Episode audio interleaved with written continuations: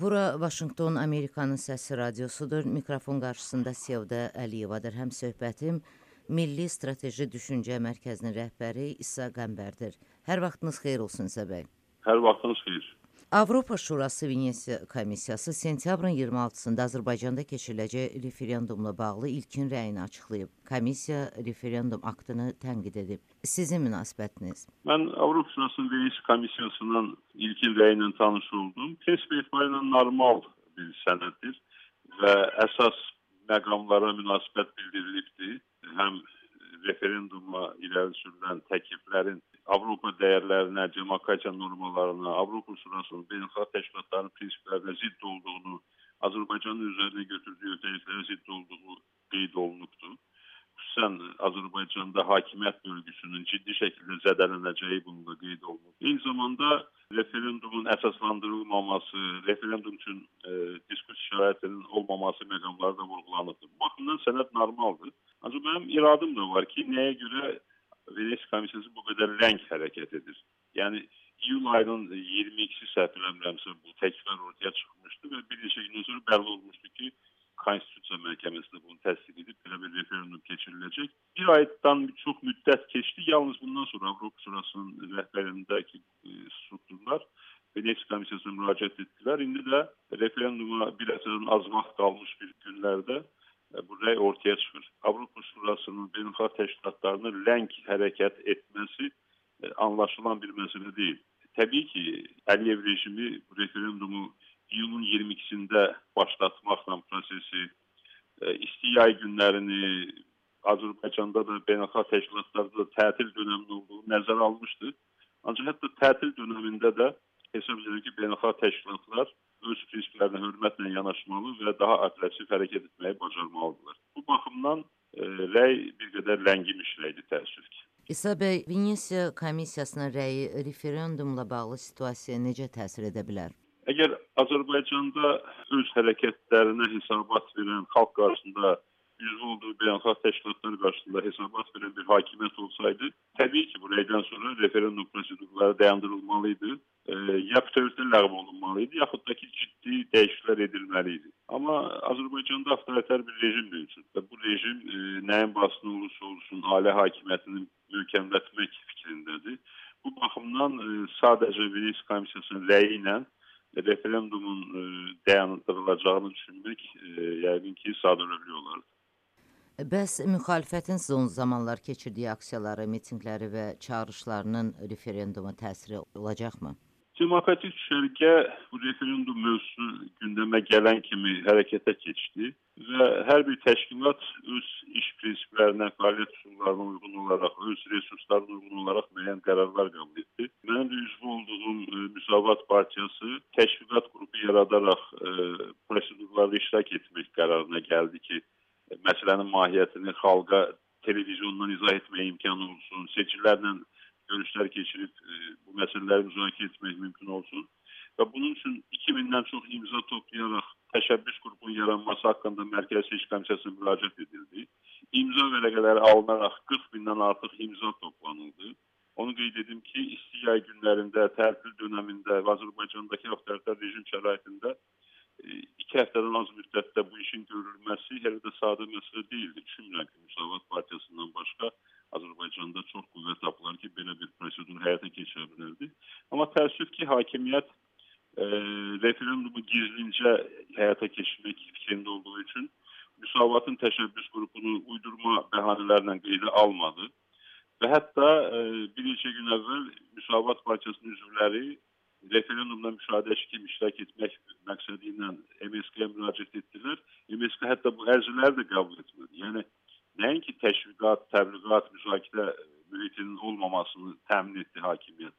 Hətta müşahidənin də olmaması üçün əlindən gələni edir Əliyev rejimi. Bu şəraitdə Müsavat Partiyası əvvəlcədən qərarında olduğu kimi kütləvi tədbirlər mərhələsinə keçdi. Artıq e, Milli Şura da kütləvi tədbirlərə başlamaq fikrində idi. Və 3 kütləvi tədbir keçirildi. 11-i, 17-si və 18-i e, sentyabr günlərində Təəssüf ki, proses yüksələn xəttlə getmədi.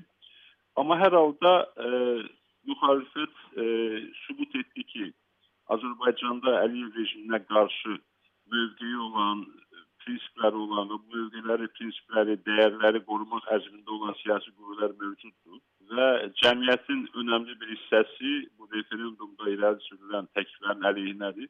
Bu nümayiş etdirildi.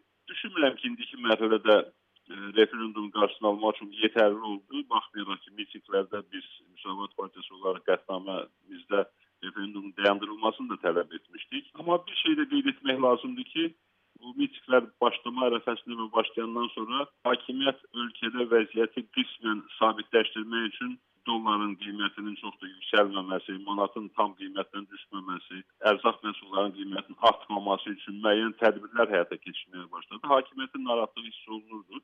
Eyni zamanda kütləvi tədbirlərə qarşı da total repressiyalar başlandı. Həm mitinglərdə iştirak edənlərin, etmək fikrində olanların mitinglərdən əvvəl miting zamanı və mitingdən sonra saxlanması prosesləri baş verdi. Həm mitingə gəlmək istəyənlərin qarşısının alınması baş verirdi. Bütövlükdə hesab edirəm ki, demokratik düşərgə etirazını bildirə bildi. Amma hələlik bunların referendumu dayandırmaq üçün yetərli olduğunu söyləmək təəssüf ki, mümkün deyil.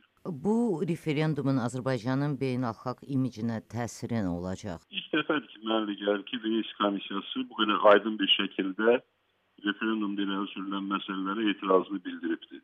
Hesab edirəm ki, bu dəyişikliklərin həyata keçirilməsi Azərbaycanın bütövlükdə nüfuzuna zərbə olacaq. Eyni zamanda Əliyev rejiminin onsuz da dünya miqyasında e, getdikcə sarsılan nüfuzunun artıq tamamilə sıfıra enməsinə gətirib çıxaracaq. Çünki çağdaş dünyada, müasir dünyada faktiki olaraq prezident hakimiyyətini diktator hakimiyyətinə çevirmək, qüvvə hakimiyyət qolları arasında balansı tamamilə pozmaq və hakimiyyəti bir əlində cəmləmək cəhdləri e, müasir dünyada qəbul edilən bir istiqamət deyil və buna görə də hesab edirəm ki, bu Azərbaycanın da mənafeyinin tamamilə ziddi və e, rejim sahiblərinin də tamamilə öz maraqlarına ciddi sadıç olaraq təəssüf ki, onlar bunu dərk etmirlər. Referendumdan sonra ölkədə ictimai-siyasi dəyişikliklər baş verə bilərmi?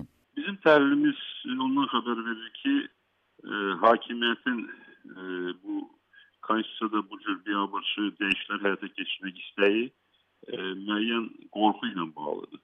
Hakimiyyət iki məsələdən ciddi şəkildə çəkinir.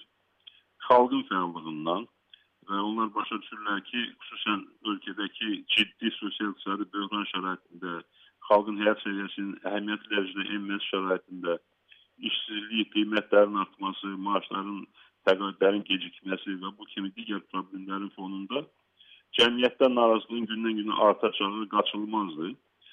Və əgər e, əvvəl nəzərdə tutulduğu kimi prezident seçkiləri 2018-ci ildə keçirilsə, Hakimiyyət düşünür ki, həmin ilə qədər narazılıq ciddi şəkildə arta bilər və həmin prezident seçkilərini hətta əvvəlki kimi saxtalaşdırmaq da mümkün olmaz hakimiyyət üçün.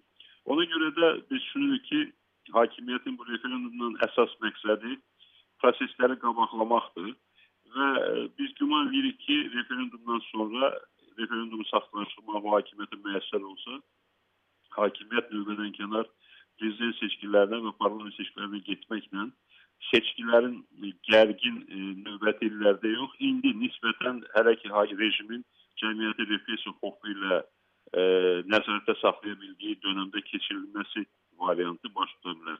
Hakimiyyətin ikinci qorxusu isə öz daxilindəndir. Əslində qalsa hakimiyyət xüsusən parlament istədiyi vaxt buraxmaq və vice-prezident postu təyin etməklə e, nəinki xalqa e, öz kadrlarına da inanmadığını nümayiş etdirir. Özünün ən yaxın oliqarxlarına, nazirlərinə də e, parlamentdə, Nazirlər Kabinetində yerləşmiş kadrlarına da inanmadığını nümayiş etdirir. E, bu referendumun səbəbi odur. Ona görə də referendumdan sonra həm növbədən gələn seçkilər, həm də ki e, e, rejimin yuxarı səviyyəsindəki yer dəyişmələr, kadr dəyişmələr də e, kifayət qədər ehtimallı görünür.